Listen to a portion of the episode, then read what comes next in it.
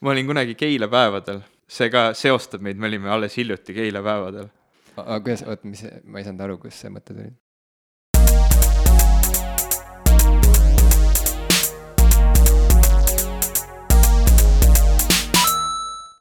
Ma mõtlesin, et, et kuna me mõlemad oleme erinevatel põhjustel kuidagi unistanud podcast'i tegemisest, siis me võiksimegi ju alustada sellest, et räägime sellest, et miks, miks meil selline kihk üldse on või noh, et kust see tuleb ja, ja mis asi on podcast sinu jaoks? aga ma alustangi siis, siis sedasi, et ma küsin sinu käest, et mis podcast'e sa kuulad? ma kuulan tegelikult vähe, väheseid podcast'e, ma ei ütleks, et mul mingi tohutu galerii oleks äh, telefonis, pigem olen selline nagu true kuulaja mingi nelja erineva podcast'i puhul.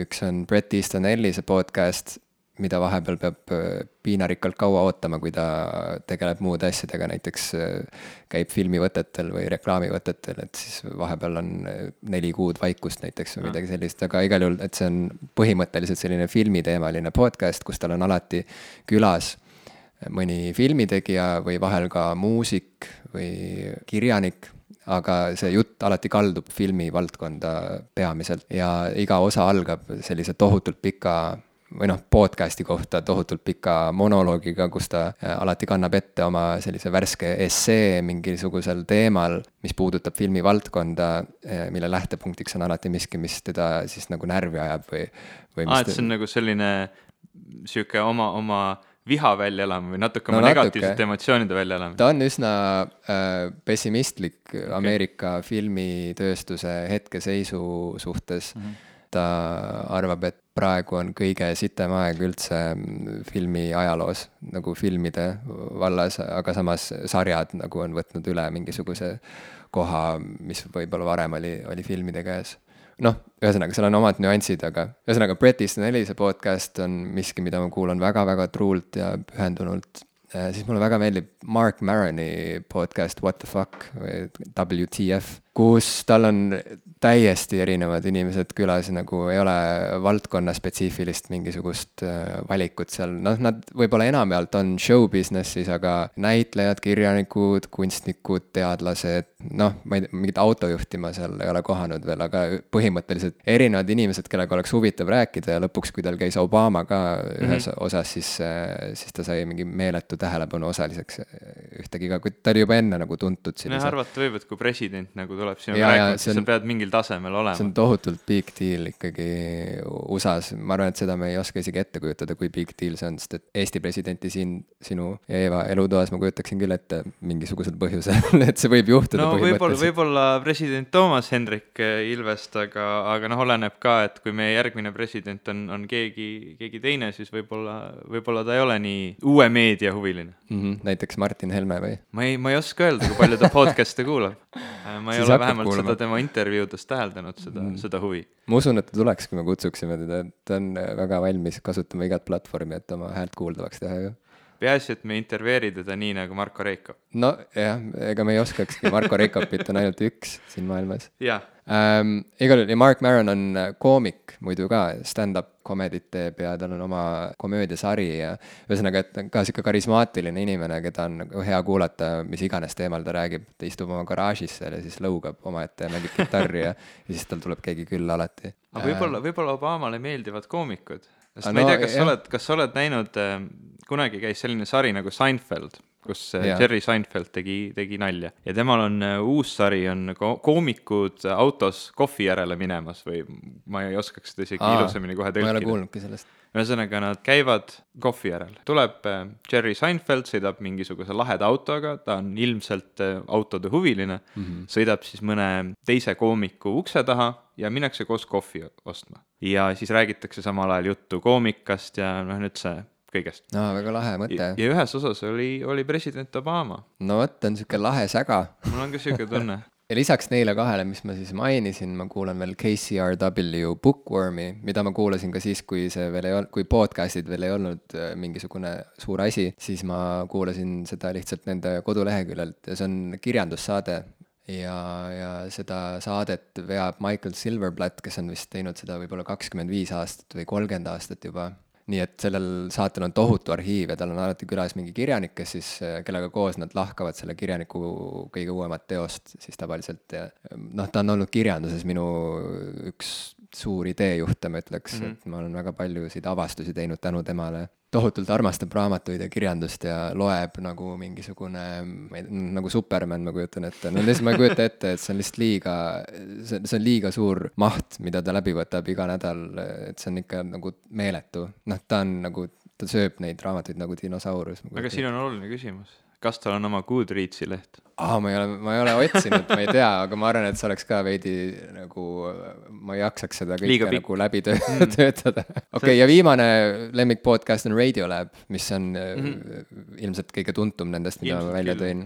noh, Radiolab on täiesti tase omaette muidugi mm, -hmm. ma ei kujuta ettegi nagu, noh, see no, on väga äge. Radiolab on kasvanud välja sellest Ameerika sellisest public radio kultuurist või sellest NPR-i vägagi pikaajalisest ja, ja tugeva, ma ei tea, raadio tegemispõhjusest põhjaga raadiotegemisteadmistega sellest nii-öelda teadmistest mm. -hmm. mul ei tule sõnad meelde, vot see on kõige hullem podcast'i tehes. No vot, ilma sõnadeta me, me võime teha mingeid loodushääli vahepeal siin, lihtsalt see on ka okei okay., sest me praegu otsime oma seda, oma keelt niikuinii siin peab, äh, peab sõnaraamatu kõrvale võtma lihtsalt. võib-olla see aitab jah, ma ei tea, sest me saame need pausid välja lõigata. jaa, seda kindlasti. aga igal juhul, et podcast'id mulle meeldivad, sellepärast et mulle meeldib kuulata inimesi, inimhäält ja inimmõtet jälgida ja see ongi põhimõtteliselt kõik, et, et ma tegelikult isegi jah, on mingid nagu teemad, noh näiteks Radiolab, eks ole, uurib mingisuguseid täiesti imelikke teemasid ja täiesti selliseid nagu, nad räägivad lahti mingisuguseid kuidagi mingeid fenomene isegi või no nad kuidagi toovad välja mingeid case'e, millest ma eales ei oleks mhm, kuulnud mm -hmm. muidu, et selles mõttes nad on nagu mingi tohutult äge variant Pealtnägijast või midagi mm -hmm. sellist, on ju, ehk siis see on niisugune nagu uuriv ajakirjandus, mis on kokku segatud raadioteatriga võib-olla mingil kõige paremal moel. selle kirjeldusega, see on täitsa õige. et see on muidugi muidugi elamuse tase omaette, aga muidu üldjoontes ma vist ei kuula podcast'e selleks, et midagi tingimata, ei, nüüd ma valetan, ma tegelikult ikka tahan teada seda, aga see, mis ma teada tahan saada, tegelikult ongi see, et kuidas need inimesed mõtlevad ja millest nad mõtlevad mm. -hmm. ja see ongi vist põhiline, et kui ma näen, et seal on mingisugune inimene seal saates, kes mulle huvi pakub juba varasemast, siis ma ilmselt kuulan seda. aga kui seal on mingi tundmatu nimi näiteks neil külas, siis ma pigem vist ei download'i seda osa. et siis juba sõltub minu kuulamine või mittekuulamine nendest saatejuhtidest, et kas nad mind nagu huvitavad alati või nad huvitavad mind ainult siis, kui neil on külas keegi, kes mind veel huvitab, vaata. nii et no, ma arvan, et meie puhul nagu meie ainus nagu.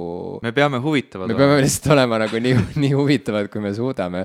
sest meil vist ei hakka keegi külas käima, me proovime teha omavahel. esialgu vist mitte, mul ei ole isegi võimalust kolme mikrofoni korraga salvestada. noh, no vot, nii et äh, see on nagu jah, ühesõnaga, see on niisugune inspireeriv äh, piirang. nii et kui te loodame. kuulate meid praegu ja te ei tea, kes me oleme, siis äh, ma loodan, et me oleme huvitavad vähemalt ma selle NPR-i osa pealt üt-, või selle Radiolabi puhul nagu ütleks veel seda juurde, et minu jaoks ta ongi nagu ideaalne näide sellest, kuidas rääkida inimestest huvitavaid lugusid või ta ongi nagu lood inimlikkusest mm. -hmm, sellepärast, et, et seal nagu, seal on nagu isegi vist raske tuua välja seda, et jah, et neil on külalised kohal, aga see saade on nii vähe nendest saatejuhtidest ja nii, nii palju nendest külalistest, ongi nagu, meil on üks lugu rääkida yeah, yeah. ja, ja me toome need inimesed, kes selle looga seotud on, kokku ja me räägime räägime selle loo ära, et see on noh, selles suhtes äh, hoolimata sellest, kui palju on viimasel ajal olnud, ma, ma olen natuke obsessiivne selles osas, et kui mulle midagi meeldib, ma kipun hästi palju selle, selle kohta uurima ja lugema ja, ja võib-olla liiga palju teiste arvamusi südamesse võtma nende asjade kohta. no mul on samamoodi.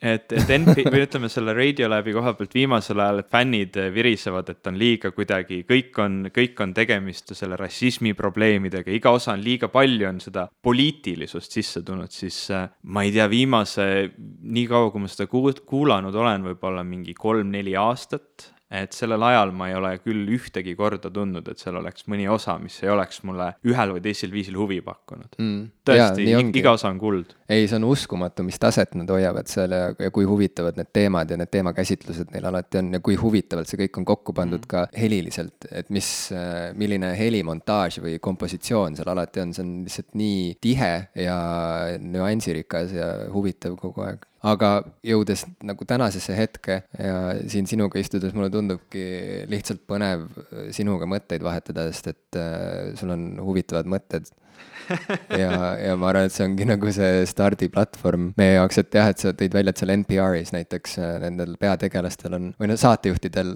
on äh, nagu selline teejuhi või vahendaja roll mm, -hmm. eks ole, et nad nagu juhatavad kuulajat mingite teemadeni, aga nemad ei ole need, kes neid teemasid kuidagi nagu lahti seletaks, vaid nad on ka küsija rollis. ehk siis nad ei ole nagu nende saadete peategelased, nad on sellised nagu moderaatorid justkui mm. -hmm. ajakirjanikud. jah, just jah, jah, uurivad nad, ajakirjanikud. sinna tahaplaanile. Mm -hmm. et meie puhul meil vist ei ole jah muud valikut, kui et me peame ise olema need peategelased. jah, peavad olema huvitavad mõtted. jah, või no ei pea, ärme pane endale mingit sundust peale.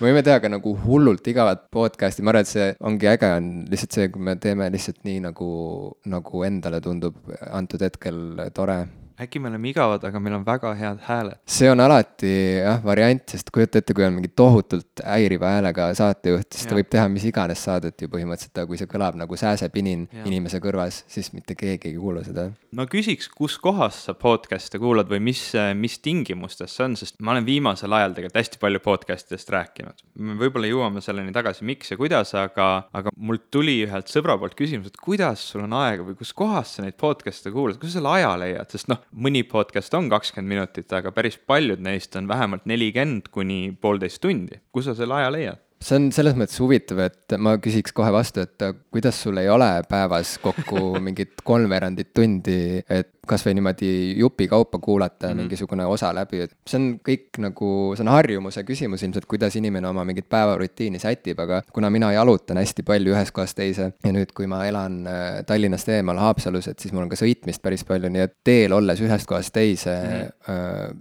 on podcast'i kuulamine väga hea alternatiiv näiteks lugemisele või, või mis iganes, ma ei tea, noh, igal juhul parem kui Facebookis nagu, nagu news, newsfeed'i rullimine rullimine, kusjuures kui nüüd ütlesime scroll imise asemel rullimine, siis võib-olla peaks ka podcast'ile leidma mingisuguse taskuhääling. ja kindlasti mitte see jääb ära.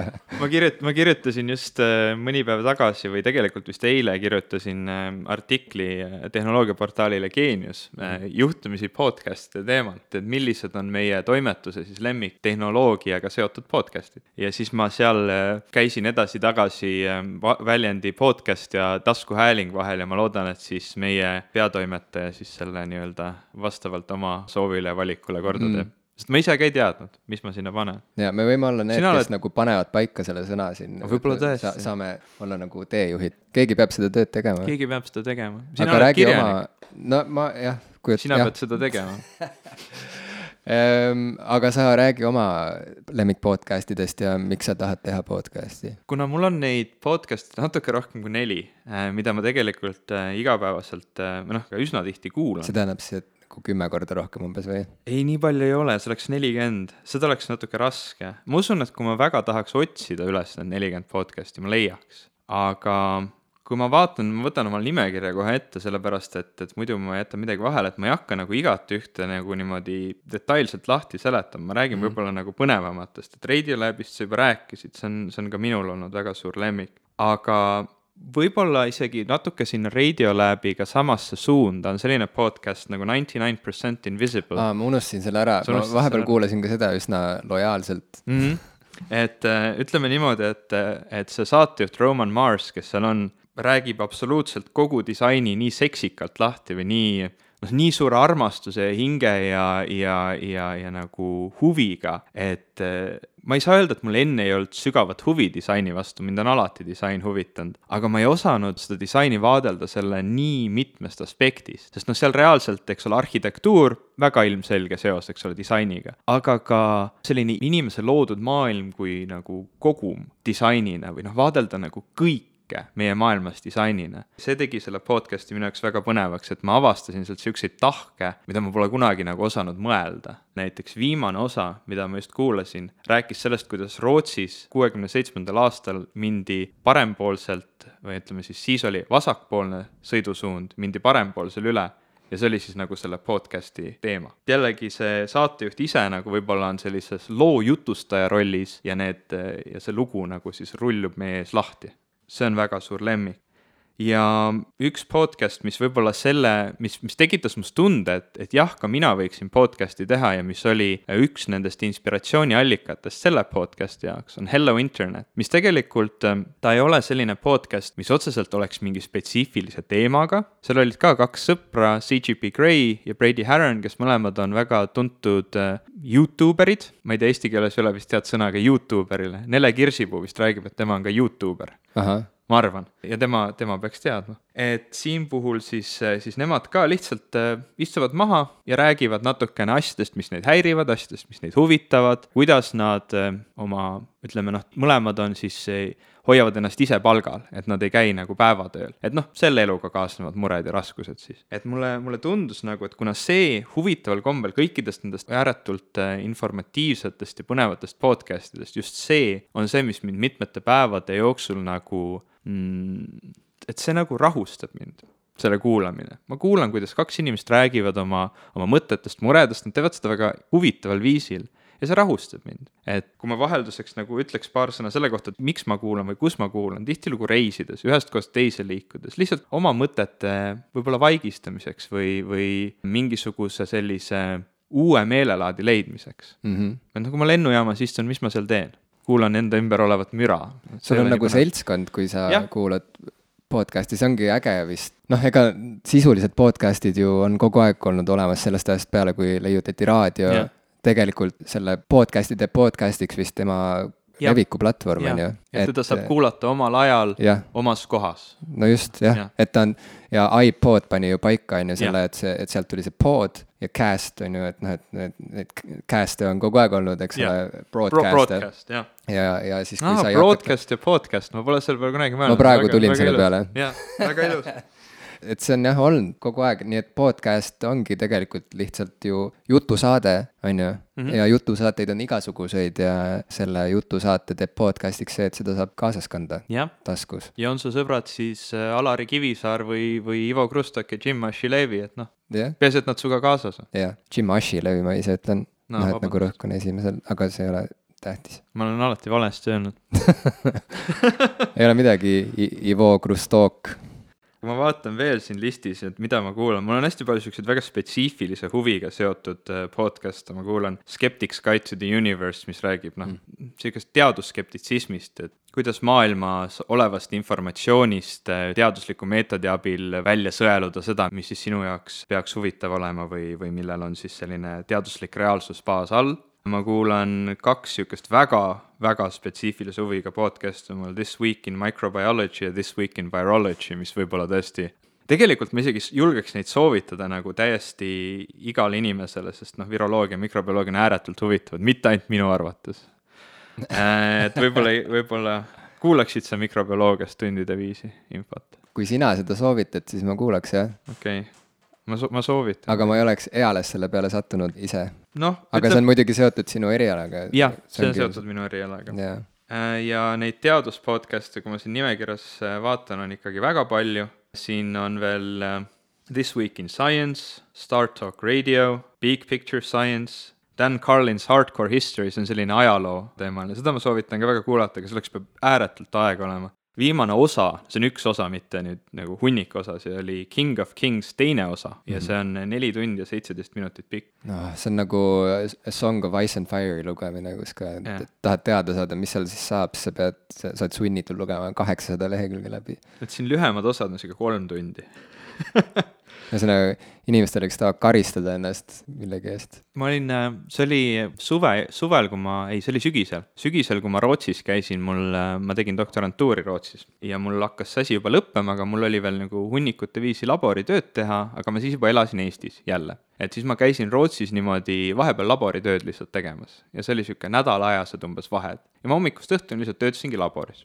et sel ajal ma siis kuulasin hästi palju seda hardcore history't, sest see oli selline värk, et noh, lähen hommikul laborisse, panen kõrvaklapid kõrva, nüüd vahemärkusena, see ei ole nagu nii ohtlik, kui te arvate, et ma laboris istun kõrvaklapid peas, et ma nüüd kellegi ohtu sean sellega. Mm,. ma korraks mõtlesin selle peale. Äh, ma kujutan ette, sest ma ei tea, ma ei, ma ei teeks sellega nagu ohtlikke asju. enamik laboritööst on selline ääretult monotoonne, kordav, nagu sihuke liinitöö, ta ei ole, ta ei ole midagi nii ääretult ohtlikku või ääretult keerulist ja sa, sa teed üht ja sama liigutust võib-olla sada korda järjest, nii et noh, kõrvaklapid kõrva, istud, teed seda oma liigutust, väga ohutu. et siis ma kuulasin äh, Dan Carlinit. ja kui ma nagu ühe niisuguse kindla soovituse võiks anda, mis kõigile, ma usun, meeldib, ütleme, kõik, see on, see on niisugune natuke liiga, liiga suur, suur eesmärk, aga mis paljudele võiks meeldida, on see No such thing as a fish hmm.. See on natuke sihuke, natuke sihuke komöödia, aga, aga jällegi sihuke faktisaade. et kui sa, kui sina või, või keegi meie kuulajatest on kunagi vaadanud sellist sarja nagu QI Stephen Fry'ga, mis BBC pealt jookseb, seal on äh, siis selline telesaade, kus äh, tulevad kokku tavaliselt koomikutest külalised, Stephen Fry siis juhib saadet ja nad peavad äh, vastama niisugustele kergelt absurdsetele küsimustele. aa, ma kunagi sattusin kogemata sellele peale ja. kuskil et seal on nagu näiteks võib tulla küsimus, et uh, who are the biggest swingers in the world? ma, kui ma selle tõlgin, kaob nali ära, vaata see nali tulebki sellest, et see küsimus on nagu esitatud siuksel natuke naljakal viisil ja vastus oli eestlased, sest meie leiutasime või, või meil, meil on hästi palju kiikingut tehtud ah,. Okay. et noh, kiikujad, maailma, maailma kõige kõvemad kiikujad seal saates nende hästi spetsiifiliste küsimuste väljatöötamiseks, sa pead hästi palju fakte läbi tuhnima, et leida seda, seda põnevat ja, ja veidrat mm. -hmm. Need inimesed, kes neid fakte läbi töötavad, tegid oma podcast'i No mm -hmm. such thing as a fish, kus nad lihtsalt toovad välja lolle fakte. Mingi sihuke random fakt, et äh, ma ei tea, Victoria aegses Inglismaal inimesed äh, vedasid kaasas pisikesi siukse majalaadseid asju, kus siis riideid vahetada rannas, et noh, jumala eest keegi ei näeks mm. -hmm noh, sihuke imelik fakt ja siis selle ümber toimub diskussioon, igas saates on vist üks sihuke neli fakti ja põhimõtteliselt see ongi see saade, see on ääretult naljakas ja noh, saab siukseid põnevaid asju teada mm,. ma lähen toon oma telefoni, mis yeah. on seinas praegu ja yeah. panen kohe selle, subscribe in ära sinna. no vot siis me saame edasi minna ma ei tea, me tegelikult vist ei ole vastanud ära meie algsele küsimusele, miks me hakkasime tegema podcast'i. aa, jaa noh ma, ma, ma võin, ma võin enda poole nagu ära rääkida, kuna mina nagu kutsusin sind. või, või nagu kutsusin, see oli, ma olin kuulanud tol päeval vähemalt kaheksa tundi minimaalselt kaheksa tundi podcast'e. ma lendasin äh, Brüsselist äh, Tallinna, äh, mu lend hilines, vähemalt mingi tund aega lükati edasi, ehk siis lisaks sellele, et lennujaama transportides ennast nagu sinna, ma kuulasin podcast'e sellest väga pikast ja, ja tüütult keerukast turvakontrollist läbisaamine võttis aega. lennujaamas ma, ma pidin sinna nii palju varem minema, et mul oli juba nagu niigi eoses üle kahe tunni oodata, eks ole, lendu ja siis veel lennukis ka. et kõik see nagu tekitas siukse olukorra, kus ma lihtsalt järjestikust lasin läbi, mul ei olnud enam uusi saateid ei olnud ammu kuulata, ma lasin mingeid vanu nagu kordussaadetena vahel vaatad, eks ole, sõpru neljakümnendat korda. et noh, lihtsalt lasin järjest läbi ja mõtlesin, et, et nagu võiks ka midagi teha või et, et noh, nagu, et kui ma teeks oma podcast'i, et milline see siis oleks. et noh, ilmselgelt et ma ei oleks seal üksi, see oleks väga-väga igav, ma ei oskaks millestki rääkida ilmselt. Äh, ja ilmselt ei tahaks seda ka keegi kuulata. et ma, ma kuidagi nagu saabusin koju, kell oli pool kaks öösel, midagi niimoodi, ja vaatasin, et Facebookis on, on roheline online tärnike, on Jim Ashilevi ees. ta on kurat nii hilja öösel üleval, et kuule, teeme podcast'i sa ei vastanud, ilmselgelt sa ei olnud online, tegelikult see oli mingi, mingi fluke või mis iganes. ma ei tea, sageli ilmub see roheline täpikaga ja. siis, kui tegelikult sa ei kasuta seda äppi no,. vaatad ole... telefonist kella, võib-olla see Näiteks juba on piisavalt aktiveeritud. ja siis mõtlesin, et noh, tegelikult see on nagu selles mõttes loogiline, et mul on, mm, et see nagu dünaamika toimub paremini, kui on kaks inimest, kes võib-olla on jutukad. ma olen tähele, sa oled noh, keskmisest jutukam inimene siiski. jaa, kui on äh, huvitav ja kui ma tunnen ja. ennast mugavalt, siis küll ja, ja, ja need inimesed on nagu küllaltki erinevad, et noh, ütleme juba oma, oma suunitluselt või oma erialadelt ja, ja oma sellistelt võib-olla väga spetsiifilistest huvidest oleme me küllaltki erinevad inimesed, aga samas noh, ega me nüüd elus nagu miljon korda ka kohtunud ei ole, aga üldiselt, kui me kohtume, siis, siis me leiame ikkagi mingid siuksed teemad, millest rääkida mm. -hmm. et see nagu dünaamika lihtsalt tundus huvitav, et võib-olla see toimiks. no eks me näeme, kas nüüd toimib yeah.. aga see oli nagu see, see minu huvi pool, et miks ma, miks ma küsisin ja nüüd on see pool, et sina siis selgitad, miks sa nõus olid. sest et ma mõtlesin, et miks mitte, kui nüüd sinult see ettepanek tuli, siis äh, milleks nüüd tagasi hoida ennast, kui mul endal on ka seesama kihk juba olnud tükk aega ma ei, ma ei tea, kustkohast see tuleb, ühest küljest äh, sellest, et ma fännan nii väga podcast'e ja sageli ju nii ongi, et kui sa midagi väga fännad mm, -hmm. siis sa tahaksid nagu ise ka kuidagi käed külge panna. teine põhjus on see, et ma lihtsalt tahangi arutleda mingite teemade üle ja ma olen seda kogu aeg tahtnud teha ja kogu aeg olengi teinud erineval kujul. Näiteks äh, mõned aastad ma olin blogija ja, ja mul oli kokku vist kolm erinevat blogi, noh, aastate peale tuli mm -hmm. kokku. ma vahepeal äh, hülgasin ühe blogi, on ju, ütlesin, et nüüd on kõik, ma enam ei blogi, siis jälle läksin edasi ja, ja tegin uue blogi, sest et ma sain aru, et ma ikkagi päris ilma ei saa mm, -hmm. aga päris seda samamoodi ei taha jätkata ja siis ma kuidagi. kuskil peaks nagu mõtteid väljendama. jaa, just, ja siis nüüd äh, see blogimise ajastu on täielikult läbi saanud ikkagi ja nüüd ma kirjutan vahetevahel selliseid kirjakesi tavaliselt kirjanduse ja teatri teemadel. ühesõnaga, mul on oma selline nagu mailing list mm. -hmm. kusjuures naljakas ongi, blogid on ära kadunud ja selline vääratult vana tehnoloogia nagu mailing list, mis tegelikult on ju noh, no blogidest ikka kõvasti vanem, et see on mm -hmm. nagu tagasi tulnud. jah, sest ma ei tea, see kuidagi tundub mulle lihtsalt nagu otsesem mm. -hmm. mul on selline tunne, et blogid kaovad ära muu müra sisse tegelikult nüüd juba või ma tegelikult võtan seda kõike väga subjektiivselt oma mätta otsast yeah., kuna ma ise enam ei loe blogisid peaaegu üldse. siis tundub, ei ole olemas. siis mulle tundub, et neid ei olegi enam vaja kellelegi, aga see on tegelikult muidugi ju vale, sest et on erinevaid blogisid, mis on tohutult populaarsed, samamoodi nagu on erinevaid podcast'e, mis on tohutult populaarsed, on ju, et ilmselt see on ikkagi elujõuline meedium Ke, aga kellelegi kuskil on. jaa, aga ju siis ongi kuidagi podcast'i puhul just sellepärast ka, et me oleme siin kahekesi, et siin on mingisugune võimalus mõttevahetuseks, mis on spontaanne ja mis on kuidagi võib-olla ettearvamatum kui see mõttevahetus, mida ma ainult iseendaga pean kirjavormis. saad aru, mida dis ma mõtlen? diskussioon on nagu juba foorum, et blogi on nagu selline monoloog, eks no just, et äh, nende kirjade puhul küll äh, inimesed kirjutavad mulle ka vahetevahel vastu ja siis ma saangi mm. nagu edasi arendada mingisuguseid teemasid, mida ma seal äh, tõstatan, aga mulle meeldib just see, et me saame siin praegu olla koos ühes ajas ja, ja ühes ruumis ja me saame vaielda ja me saame loopida õhku mingisuguseid ideid ja mõtteid, millest teine ei ole võib-olla teadlik ja saame kuidagi, ühesõnaga, me saame nagu üllatada teineteist ja see on juba oma olemuselt, mulle tundub kuidagi nagu väga selline potentsiaalikas olukord, mulle meeldib see no ma, ma vaatan, et sulle tegelikult see nagu ühes kohas, ühe, ühe koha peal olemine on nagu oluline, et ma mäletan, et kui ma selle idee esim-, esimest korda välja käisin, et minul oli sinna kohe sisse kirjutatud, teeme üle Skype'i, eks ole, noh, et sa, me elame üksteisest piisavalt kaugel, et, et see võib-olla kokkusaamine on, on keerukam.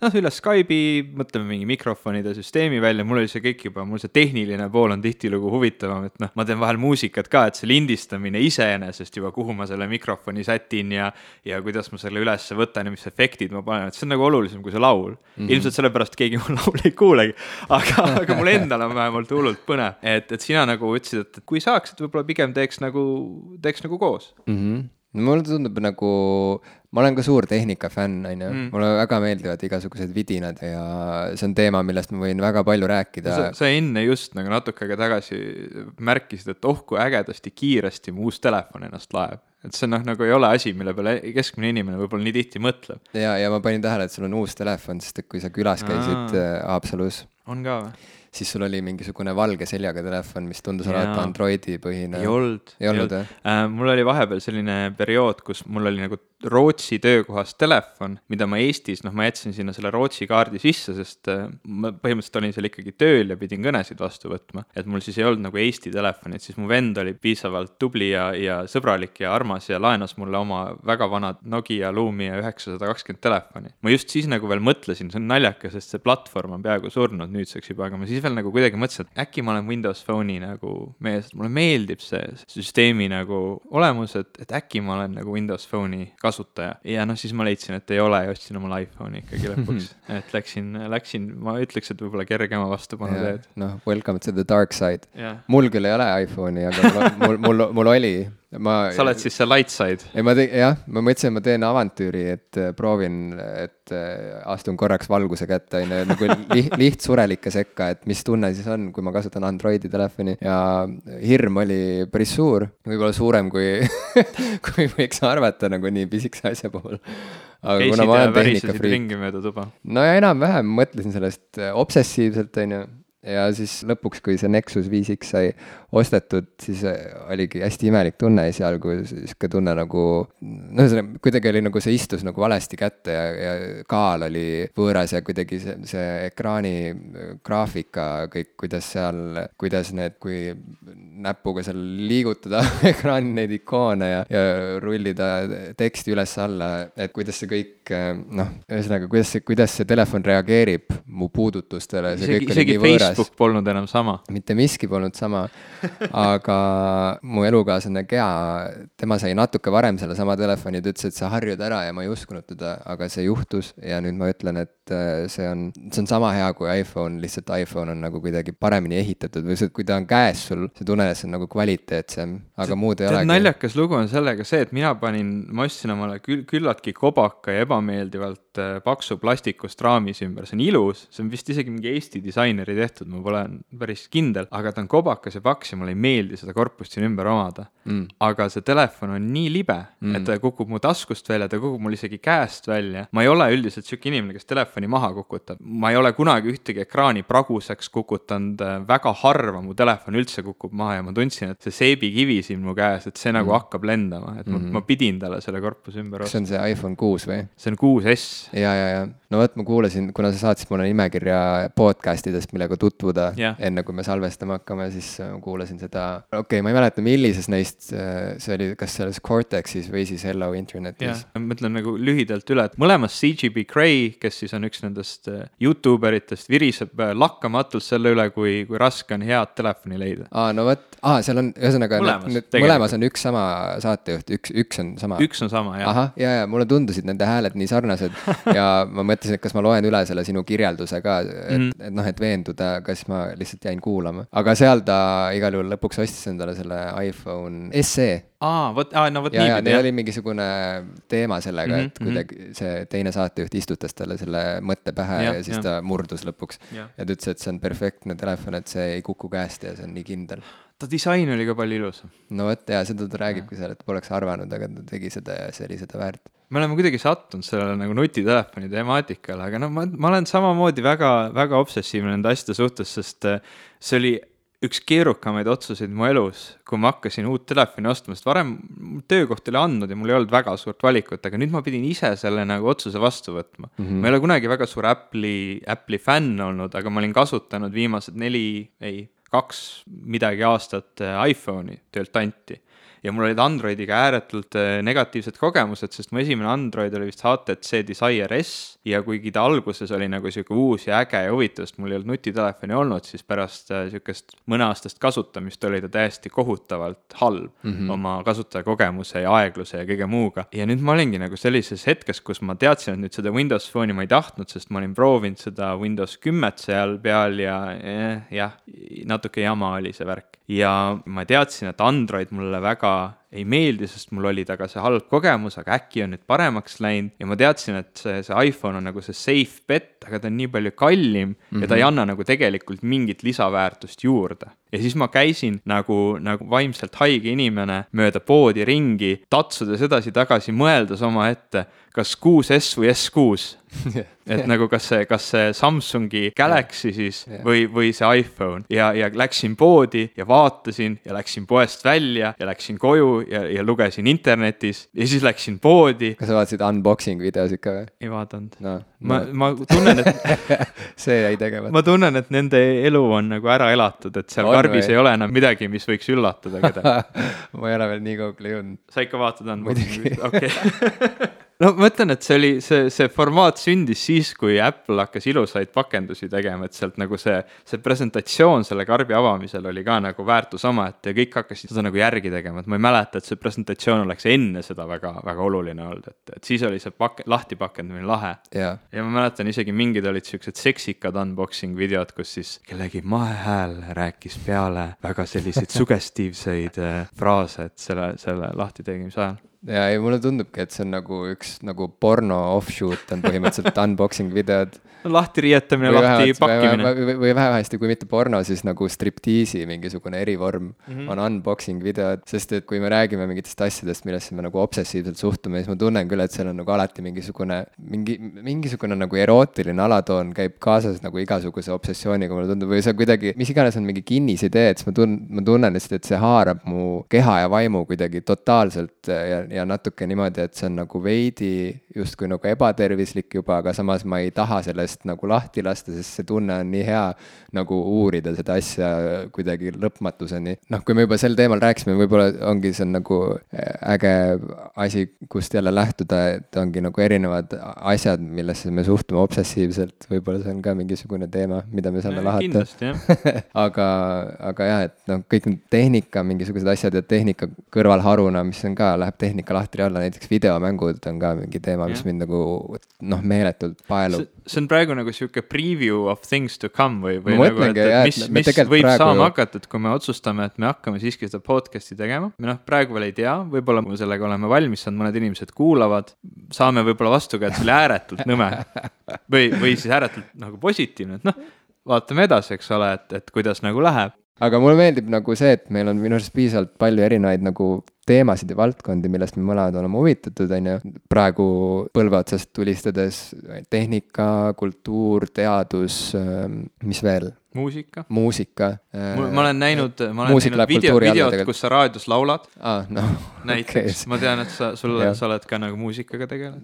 no ja, ja olen, aga ma arvan, et sa oled kõvasti rohkem. muusikaga tegelenud? jaa, aga ma ei tea, kas ma selliseid vaatajanumbreid olen kätte saanud, nagu see Raadio kahe video ja see oli üldse nagu täiesti juhuslik asi täiesti juhuslik. mul juhtumisi oli ukuleele kaasas, kui ma tegelikult läksin vist rääkima mingist uuest Graali lavastusest ja siis nad palusid mul vahepeal ka laulda ja kuna ma olin just ostnud endale ukuleele ja ma seal lavastuses mängisin seda ka natukene, siis ma esitasin Radioheadi cover'i, see oli tegelikult cover cover'ist, sest et see oli, see oli Radioheadi Creep originaalis yeah., mina õppisin seda mängima Amanda Palmeri äh, järgi, kes on minu suur iidol ja kes tegi Radioheadi albumi lihtsalt tuli sihuke spontaanne mõte, nagu tal ikka tuleb neid ja siis ta teostas selle kohe ära ja ta mängis Radioheadi lugusid ukuleele peal. ja mina õppisin tema järgi seda Creep'i mängima ja tegin cover'i tema cover'ist ja. okei see on kuidagi väga keeruline jõuda Creep'ini, mida raadiost kuuleb nagu iga teine päev. no vot, ma ei tea jaa. aga mulle, mulle meeldib ka Amanda Palmeri versioon rohkem, võib-olla sellepärast, et ma olen seda Radioheadi varianti nii palju kuulnud.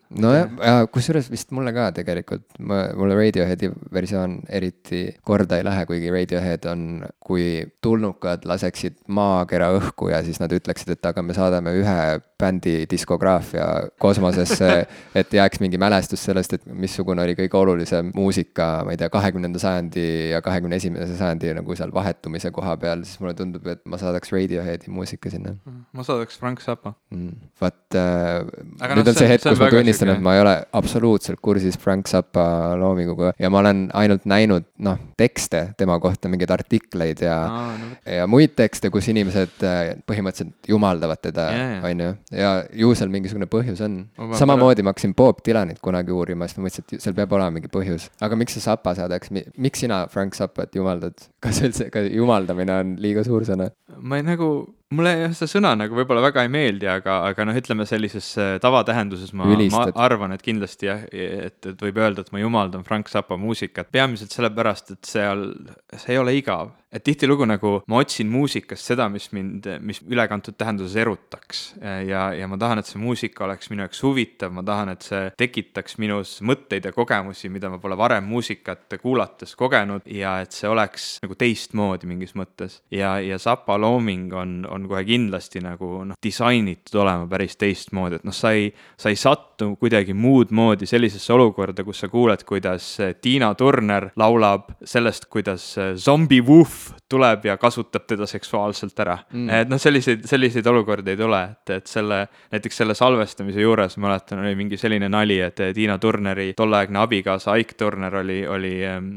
uksest sisse astunud, kuulanud seda, seda jura, mida nad siis seal laulavad ja küsib, et, et mis, mis kurat siin on ja minema jalutanud, et noh, see oli nagu, nagu liig olnud mm. -hmm. aga noh, ütleme, et, et Zapal just see, see on lihtsalt nagu sihuke crazy muusikamaailm mm.. et neid, neid artiste loomulikult on nii palju, kes ka sar-, sarnaselt siis sellist natukene keskmisest teistsugusemat muusikat teevad, aga Zappa suutis selle samal ajal pakkida ka üsna sellisesse mitte popilikku vormi, aga vägagi nagu vastuvõetavasse vormi, et tal on väga plaate, mis on võib-olla süvamuusika kuulajale, aga samas tal on sama eos on pakitud sisse ka tema kõige rohkem või ütleme, rohkem kuulatavatesse albumitesse mm. -hmm. et see on, see on põhjus, miks ma saadaks ühesõnaga, ta on nagu tohutult mitmekülgne olnud ja. oma karjääri jooksul. Palju tal albumeid on? ma ei oska sulle öelda, aga üle kuuekümne vist oli. tõsiselt või? issand jumal. tal on mingisugune varasalv mis on tema perekonnafondi käes nüüd eh, okay., kus on eh, keldritäis linte. sest ta, ta oli selline artist, kes väga oli igasuguste plaadifirmadega vastu, tal mõned ilmusid siit-sealt kuskilt, aga, aga ta oli nagu üks esimesi võib-olla, ma ei, ma ei teagi, äkki oli enne veel, aga tema võitles väga, väga tulihingeliselt sellepärast, et tema need masterlindid jääksid kõik temale ja mm., ja ta ise siis tootis ja produtseeris ja lindistas ja tegi nii, et, et see kõik on tal kodus ja sealt tuleb ikka veel plaate välja okei okay,, mul on viimane aeg hakata Frank Zappa loominguga tutvuma. no see on sihuke huvitav värk jah, et, et Zappa tuleb alati jutuks, kui räägitakse muusikutega, ma olen täheldanud, Eestis ka väga tihti. sest et kui sa mainisid seda Tina Turneri juhtumit siis mulle kangastus kuidagi silme ette kohe Ariel Pink, ma ei tea, kas sa oled kuulanud või yeah. kui, kui palju sa oled, aga äh, lihtsalt kirjelduste järgi, ma võin väga puusse panna, sest ma ei ole kuulanud Frank Zappat, aga no. selle kirjelduse järgi ainus analoogia mul tekkis, oli Ariel Pink, kes mm -hmm. samamoodi teeb mingit nii veidrat asja, see sõna, mis mul peas ringi käib praegu, on obskuurne, et ta kuidagi ja. nagu leiab üles mingid obskuursed elemendid ja paneb need kokku mingil nii imelikul moel, et see kokku on äh, nii mitu asja korraga, ühesõnaga, kui ma kuulan Ariel Pinki muusikat, siis ma tunnen lihtsalt nagu, mu tunded on mitmekihilised. Ma tunnen nagu sellist, sellist tunnete kihistust ja see kõik on nii huvitav lihtsalt ja nii segane et äh, jaa, ma ei tea, kas seal võib olla mingisugune, kas Ariel Pink võiks olla mõjutatud Frank Zappast, see on mingi asi, mida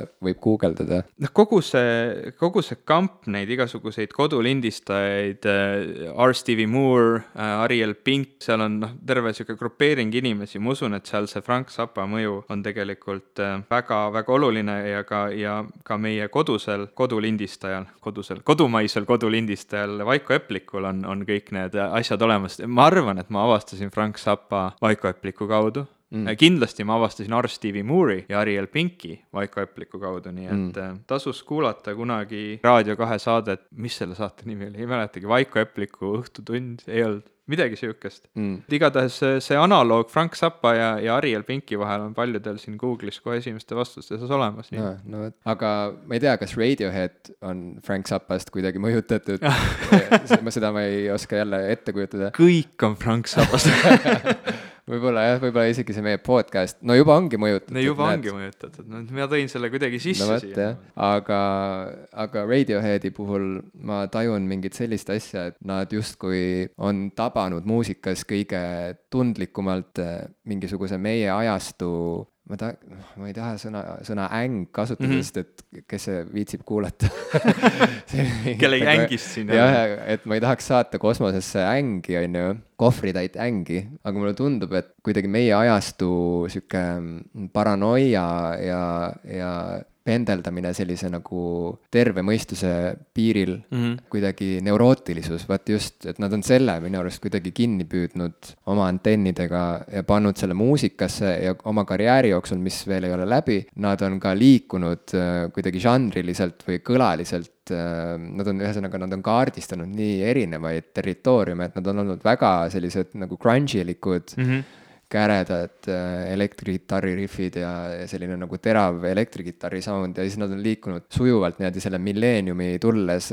liikusidki väga ajastu kohaselt jälle äh, sellisesse digitaalsesse reaalsusesse mm, -hmm. kus äh, hakkasid tulema igasugused siuksed nagu digitaalsed errorid ja glitch'id ja, ja mingid imelikud beat'id ja imelikud sellised nagu efektid tulid mängu. ühesõnaga, et sa hakkasid järsku kuulama justkui nagu mingisugust sellist nagu internetis kummitaks või midagi mm, -hmm. nagu mhm, interneti mm -hmm. alateadvuses äh, toimuks midagi imelikku ja nad said selle jälle kuidagi kinni püütud plaadile, et nad kuidagi tabavad seda ajastut minu arust jube hästi. ja nüüd, kui nad on selle uue albumi välja andnud, siis mul on jälle sihuke tunne, et nad on kuidagi nagu, nad on täpselt selle praeguse aja nagu närvilõpmete peal oled sa seda kuulanud? ma eeldan, et sa oled, kui sa just ma ütlesid. ei ole seda kuulanud Ma põhjusel sellisel labasel põhjusel, et äh, See- see ei ole Spotify's ei ole seda, neil on ainult need kaks lugu ja seal on see kiri juba mitu nädalat, et we are working on it ja et Jaa. nüüd vist viimati oli seal kirjas, et tuleb mingi seitsmeteistkümnendal juunil no. või midagi sellist. ma tahtsin, ma tahtsin üks päev Beyonce'i plaati kuulata, uut ma Beyonce'i plaati, Ja mis oli, saanud. Diamonds või Angels või Champagne, tal oli mingi ühe, Lemonade. Lemonade, väga hea. ma tahtsin seda kuulata, sest kõik, kõik õudselt, noh, muusikakriitikud, jällegi ma loen liiga palju kriitikuid, see on aga okei okay, minu arust. ühesõnaga väga neid- kiidetakse. jaa, ma olen ka märganud. ja siis ma mõtlesin, et no, et aga, aga palun ja, ja ei olnud. mul ei ole Tidalit ka enam, mul kunagi oli korra Tidal, et kuulata Prince'i, aa, aga oli see väärt seda või? ei olnud. Sest ma No- tahtsin, ma peaaegu tegin sinna konto, et kuulata Kanye Westi Life of Pablot, sest seda mujalt väidetavalt, no ta, ta- väitis, et seda ei saa mitte kunagi enam mitte kuskilt mujalt. ta tegi. hundid korda, nüüd saab. tegi hundi, aa, okei okay.. I m a fix wolves. see on ka huvitav asi nagu, et ta nikerdas seda plaati kogu aeg edasi ja siis kogu aeg küsis Twitterist, et mis te nüüd arvate. ma kuidagi ürit-, ma üritasin nagu ette kujutada, et mitu inimest on maailmas olemas, kes nagu tabasid ära, et kus see muutus toimus, kust, kus ta pani mingi, kus ta seda sagedust kruttis kuidagi nagu teiseks, et noh, ma arvan, et neid inimesi oli, oligi kokku võib-olla null. no seal ei olegi, see ei olegi nii oluline, ta, ta kasutab uut meediat, vaata, et oma, ta, ta, ta, ta nagu võtab oma alateadvusse kogu selle, selle fandom'i, mis tal on ja, ja suunab selle kõik oma muusika. jaa, no see on muidugi väga ma ei kuula väga Kanye Westi, nii et ma ei, ma ei oska nagu väga Mm. kommenteerida tema Ma- muusikat, aga ma nagu kuulan, aga ma samas kogu aeg võitlen endaga kuulamise ajal, et miks, miks ma kuulan seda, sest et ta ühest küljest tohutult paelub mind isiksusena mm. -hmm. ja siukse, ütleme nagu ta ajab mind naerma isiksusena, vähemalt nii palju ma saan öelda. jah, no vot okei okay., na-, aga na- naermine, et kas sa naerad nagu õelalt niimoodi ülalt alla vaadates, et milline idioot, edev idioot või sa naerad nagu, et ah, kui nagu humoorikas inimene. ma ütleks, et ta on, on kummaline tegelane. Ja ma jätaks selle- poliitiliselt korrektne vastus. ma ei, ma ei taha, ma ei taha kindlasti kunagi nagu kellelegi ülevalt alla naerda ja, ja ütleme, Twitteri põhjal kedagi nagu ära sildistada rumalaks inimeseks, see on nagu natukene, julgen ma öelda seda rumal mm. -hmm. aga, aga kindlasti, kindlasti ajab ta mind naerma ühel või teisel põhjusel, kas ma tunnen selle vastu häbi või mitte. mm. -hmm. no aga vaata, see ongi tema puhul ju kõva, et isegi inimesed, kes ei viitsi teda kuulata, ikkagi on nagu, ma ei ütleks, et nad on sunnitud temast mõtlema, aga nad mm -hmm. mõtlevad temast, sest et ta tõesti, ta nagu ikkagi tungib läbi sellest muust mürast. jah, ta teeb seda oma sellise nagu maniakaalse edevuse pinnalt või selle toel, on ju, sest et ta kogu aeg aga kõik rokkstaarid on ju seda teinud. no just, et, et selles mõttes on nagu mõttetu ju teda halvustada, justkui see oleks mingi tema eriline omadus äh, popstaarina. kas Kanye West ja Axl Rose on kuidagi väga erinevad üksteisest? Ma ei tea. mulle tundub, et nad on nagu väga erinevad ja no ühesõnaga aga, aga ei, ma ei, vaata, ma ei tea Axel Rose'ist eriti midagi, sest et mulle pole kunagi Guns N Roses meeldinud. no vot sulle on, ma saan aru. no ma olen neid, on perioode, kus nad on mulle väga meeldinud äh, ja, ja on perioode, kus nad mulle nii väga ei ole meeldinud, aga, aga ütleme, Axl Rose võib-olla siis nendest rokkstaaridest on üks kuulsamaid selliseid äh, Nothing matters but me tüüpi mm. sellise Mm.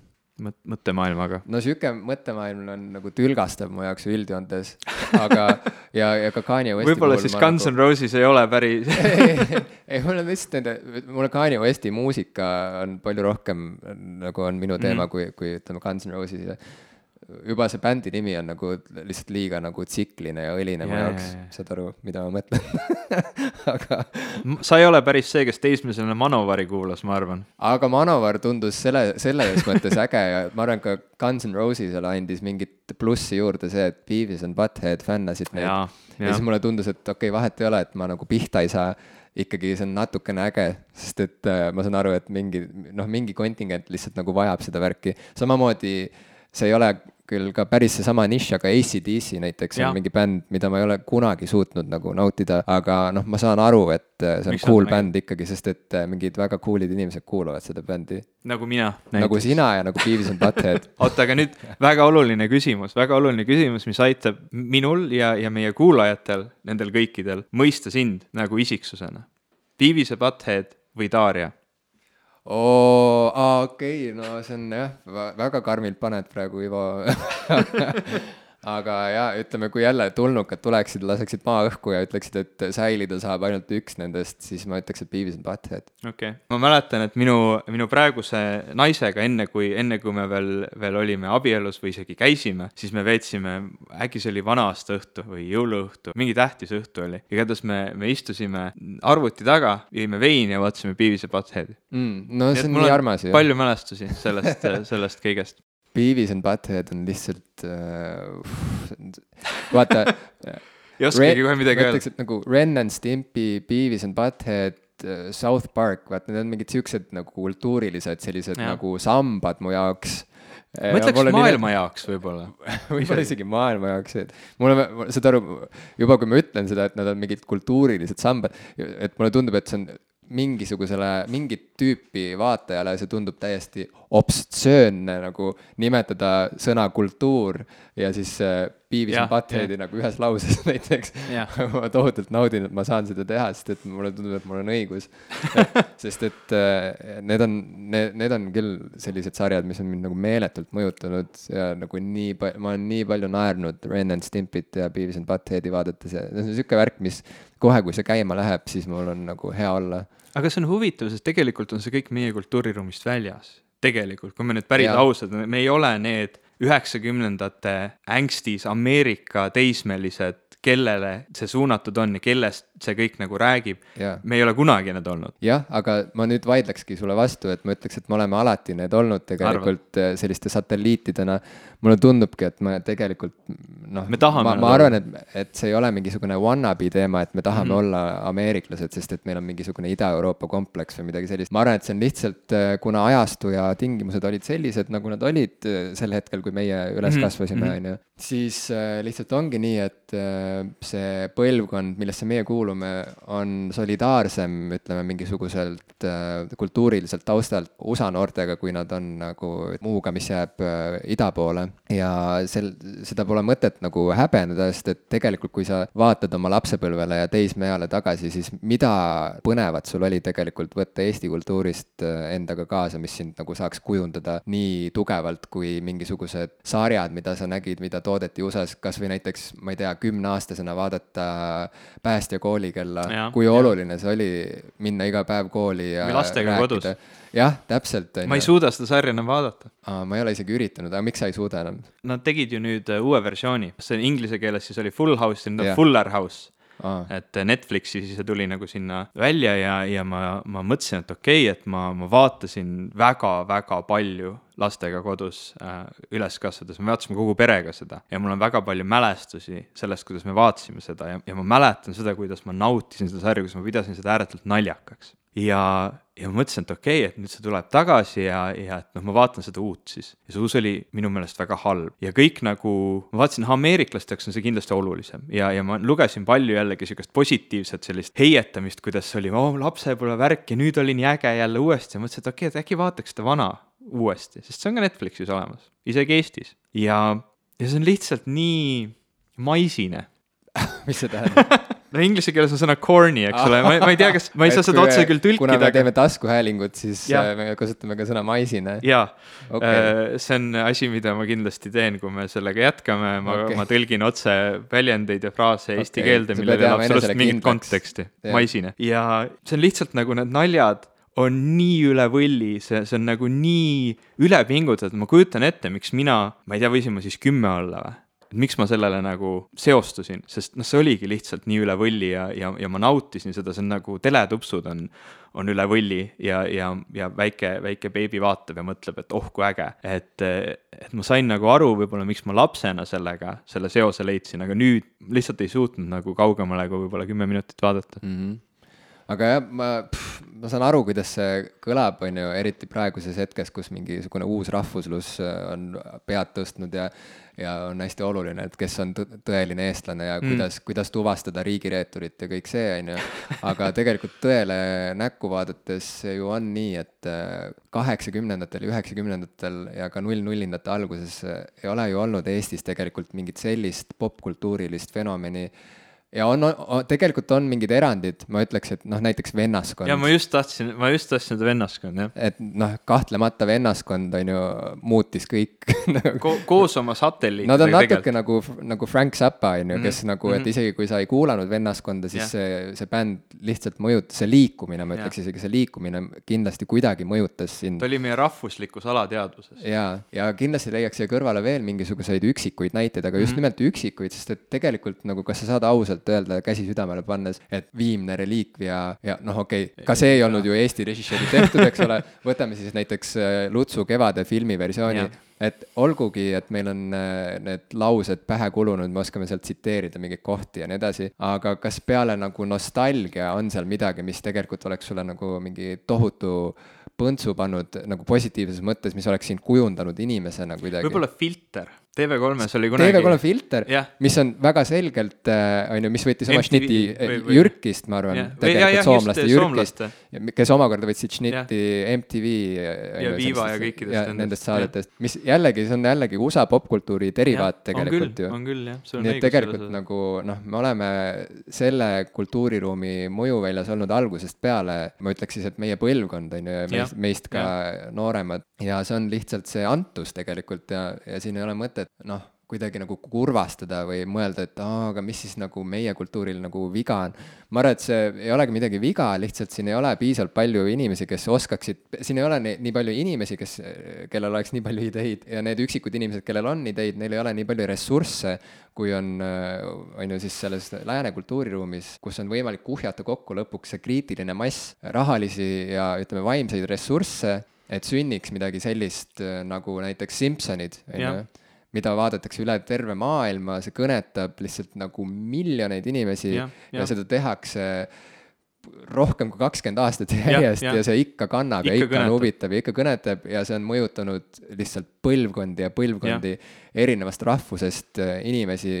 me ei leia meil... siit peale vennaskonna mitte midagi sellist minu arust. aga meil oleks nagu potentsiaali, sest tegelikult ega South Parki ei olnud rohkem kui kaks, äh, kaks noormeest, kes ei leidnud oma kohta Hollywoodis ja kes siis omakesi siis, äh, siis tegid ja lõid uue kultuurilise fenomeni, et noh, tegelikult ei ole mingit põhjust, miks Eestisse ei võiks tulla. jaa, ei, ma seda üldse ei tahagi väita, et, et see oleks kuidagi võimatu yeah aga siin tulebki olla omamoodi leidlik lihtsalt ja noh, siin ongi inimesi, kes on suutnud olla leidlikud oma antuses, oma selles äh, kultuurilises äh, raamistikus, esimese näitena kargab pähe, noh, sa Vaiko Eplikut juba mainisid, kes on minu arust hea näide selleks, aga teine inimene ongi ju Chalice näiteks, kes mm suutis minu arust kuidagi minu jaoks esimesena teha hip-hopi nii, nagu see siin toimiks ta nagu kuidagi tõi oma. minu jaoks ka, jah. saad aru, et ta nagu, sest et minu arust ei toimi mitte kunagi nagu mingi formaadi nagu ületoomine mm -hmm. üks-ühele, see alati nõuab mingisugust öö, äh, oma öö, sellist äh, sättimist veel selles oma kultuuri raamistikus mulle tundub, et Chalice suutis öö, liita kokku mingisuguse nagu oma nutikuse ja oma sellise selle Tartu tausta ja, ja, ja, ja kogu selle Eesti nagu põhja ja, ja viia see kokku niimoodi väga orgaaniliselt ja uuenduslikult sellega, mis ta nagu Ameerika hip-hopist sai. ma, ma nagu mingil määral isegi vaidleks vastu selles osas, et just nagu Chalice esimene hip-hopi puhul oli, sest äh, ütleme näiteks A-rühm kui selline, noh, ütleme, võib-olla ja, ma, ma kuulasin neid väga... väiksena, eks ole ja, ja võib-olla just selle väga ropu ja, ja sellise agressiivse maneeri pärast, mistõttu ma näiteks praegu neid väga ei, ma nagu agressiivset hip-hopi väga enam ei talu mm. -hmm aga. ma talun seda siis, kui ma jooksmas käin ja pean ennast pumpama, nagu üles. üles. näiteks kui ma Vanemuises Otellot hakkan mängima, siis ma kuulan Baby Lõusta. aga kui me nagu A-rühmane ta tagasi tuleme yeah., siis ütleme nende see esimene plaat, no see on nagu mingi sihuke asi, mida võib-olla Eesti hip-hopis enam võib-olla nagu ei tule või see oligi nagu see hetk, kus meil oli nüüd päris oma räpigrupp ja, ja nad rääkisid teemadest, mis, mis meiega samastuvad, kas see oli siis mingi Balti jaama värk või meie, ütleme, päris kehv seisukord popmuusikas, eks yeah. ole, et noh need olid nagu teemad, mis samastusid, aga Chalice samamoodi nagu sinule, võib-olla minu nagu see mõttemaailm on võib-olla lähemal Tartule kui, kui Balti jaamale, et siis see nagu Chalice tõesti oli ka minu jaoks see, kus ma esimest korda tundsin, et vau, et ma võin nautida hip-hopi mm. -hmm sest mina kasvasin ikkagi teismelisena üles pikaajaliselt mõttega, et if you are not into metal, you are not my friend, eks ole, Manovar ruulis. no väga hea. ja, ja ma olin kõik muu. koolis tülis selliste tüüpidega No ja siis äh, lõpuks me ikkagi saime sõpradeks. kas ma võin kõrvalepõikena veel rääkida Jaa, kindlasti. sest et sa mainisid A-rühma ja ma tahaks omalt poolt ka lisada ikkagi, et ma olen nõus sinuga, et A-rühm oli väga oluline sel hetkel, kui nad tulid ja see, mis nad tegid, on äh, lõpmatuseni tänuväärne, aga mulle tundub, et näiteks võrreld-, mis, mis neid eristab Chalice'ist, ongi see, et äh, minu arust nemad ei olnud nagu uuendusmeelsed Nad olid, nende tugevus seisnes selles, et nad esimest korda, ühesõnaga nende näol ilmus esimest, ilmusid esimest korda välja Eesti räpparid, kes olid veenvad. saad aru, et jah. neil oli koos huvitav ja, ja lõbus teha seda, mida nad tegid ja nad kasutasid väga palju selliseid läänelikke troope tegelikult. kas troop mm. on normaalne eestikeelne sõna? ma, ma olen täiesti päri, et see, kui ei ole, siis peab olema. jah, et, et selles mõttes nad nagu ütleme, nagu tõid rohkem nagu üks-ühele ikkagi üle seda värki, aga nad olid selle juures veenvad, mis oligi nende Jah. tugevus ja sellepärast ma neid ka väga noh, hindasin neid väga kõrgelt ja ma siiamaani noh, laulmata jäänud laulud, nende see esimene album, see on siiamaani ikkagi mu elu edetabelis väga kõrgel kohal mitte, et ma oleksin seda albumit kuulanud kuidagi viimastel, viimasel viiel aastal või kümnel isegi võib-olla, aga aga mingid lood sealt on siiamaani mulle väga südamelähedased või noh, nad olid nagu õigel hetkel õiges kohas minu jaoks ja, ja mõjutasid mu elu tugevalt. aga ma Chalice'i puhul just tunnen seda, et ta suutis võtta selle laenatud vormi, mis on siis hip-hop muusika ja ta suutis selle leiutada nagu omal käel ümber niimoodi, et see oleks autentselt kuidagi mingi tema enda asi.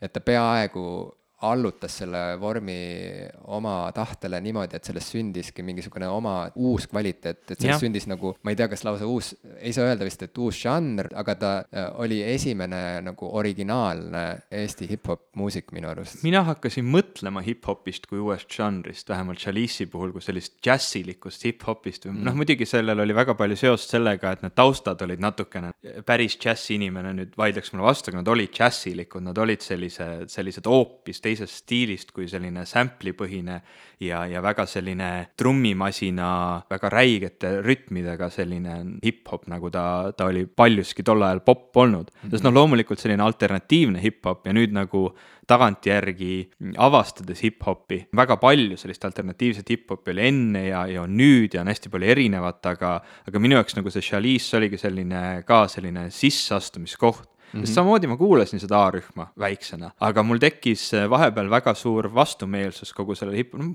Eminemi ka, Eminem mm -hmm. noh, mingi hetk oli mul selline, et no ma ei taha kuulata seda, seda agressiivsust, ma ei taha seda, seda uhkeldamist ja, ja seda nii-öelda ropendamist, et noh, ma ei ole nagu ropendamise vastane inimene, et ma küllaltki palju ka ise kasutan va vastavalt siis minu, minu hetke emotsioonile roppusid sõnu ja, ja ma tunnetan, et hip-hopis kindlasti on väga oluline koht nende väga tugevate emotsioonide väljendamisel, aga ma lihtsalt, ma ei samasta ennast kuidagi hip-hopiga mm. -hmm. ja, ja pärast Chalice'i ja tegelikult nüüd veel, äkki see oli eelmisel aastal, juhtus see, kui, kui tuli välja Genka ja Paul Oja plaat ja, ja, ja. ja, ja ma nagu no, see oli nagu, see oli väga-väga, see on väga kõva album. on küll ja, ja ta oligi täpselt selline hetk, kus ma mõtlesin, et aga tegelikult mulle väga meeldib hip-hop. no vot. ja ma olen läinud nüüd ja avastanud enda jaoks, vist see oli kuidagi ka, et see Genka enda mingi TED Talk oli äkki või midagi sellist, kus ta rääkis erinevatest räpparitest nagu räpi filosoofiast mm,. ma ei ole näinud seda. ja siis ta mainis ära, et kõige nagu sõnaderohkem või kõige keerukamate sõnadega räppar on Aesop Rock mm. -hmm. ja, ja ma ei tea, miks ma praegu kätega sellise, sellise räppariliku liigutuse tegin. see juba teebki natuke see tõstab mul nagu selja sirgemaks praegu ja, ja ma otsisin ta välja ja mulle nii meeldis ta, see oli esimene hip-hopi vinüül, mis ma omale kunagi olen ostnud mm., oli Aesop Rocki plaat Labor Days ja sealt muidugi edasi ma avastasin veel, veel igasuguseid huvitavaid artiste, Open Mike Eagle on ka selline, keda ma väga, väga soovitaks mm., aga, aga see ongi nagu kuidagi oli, see, see viis mind isegi nii kaugele, ma kirjutasin oma esimese räpiloo ma lindistasin oma, oma esimese räpiloo. ma ei ole väga hea räppar, aga, aga noh, ma ütlen, see viis mind nii kaugele mm. -hmm. no see on ikka, siis see viis sind ikkagi väga kaugele ju. kui sa alustasid sellest, et sa olid nagu metalhead ja mõtlesid, et noh, et keegi teine ei ole su sõber, kes ei fänna metalit. no vot, seal vahel on ikkagi nüüd väga pikk hulk aastaid. no vot, aga ma, ikkagi nagu..., et sa oled jõudnud sellest ühest otsast teise, see on päris kõva. minu arust see on päris kõva Ivo, kas sul on mingisugune eh, hea soovitus heale kuulajale?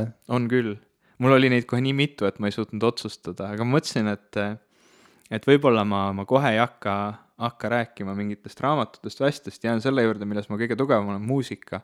ja ma soovitaks, tegelikult see alles hiljuti tuli välja äh,, John Lennoni poeg, Sean Lennon, tegi koos Priimuse bassisti Les Clay-, Claypooliga seda nime on mul alati raske öelda, sest ma tahan öelda Clayspool mm. nagu savirull, niidirull.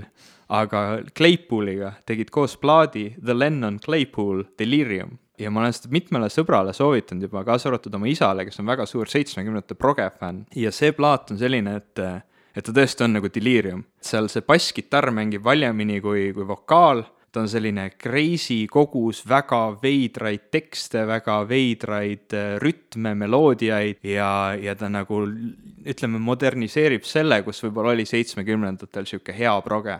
see on niisugune plaat, mida ma soovitan, selle nimi on äh, Monolith of Phobos, on plaadi nimi. et see on niisugune plaat, mida ma tõesti soovitaks katsetada, kas see, kas see meeldib ja kui meeldib, siis äh, tulge küsige veel, mul on terve hulk head seitsmekümnendate proge aga mis oleks sinu kultuurisoovitus? aga kas see peab olema alati kultuurisoovitus? ei pea.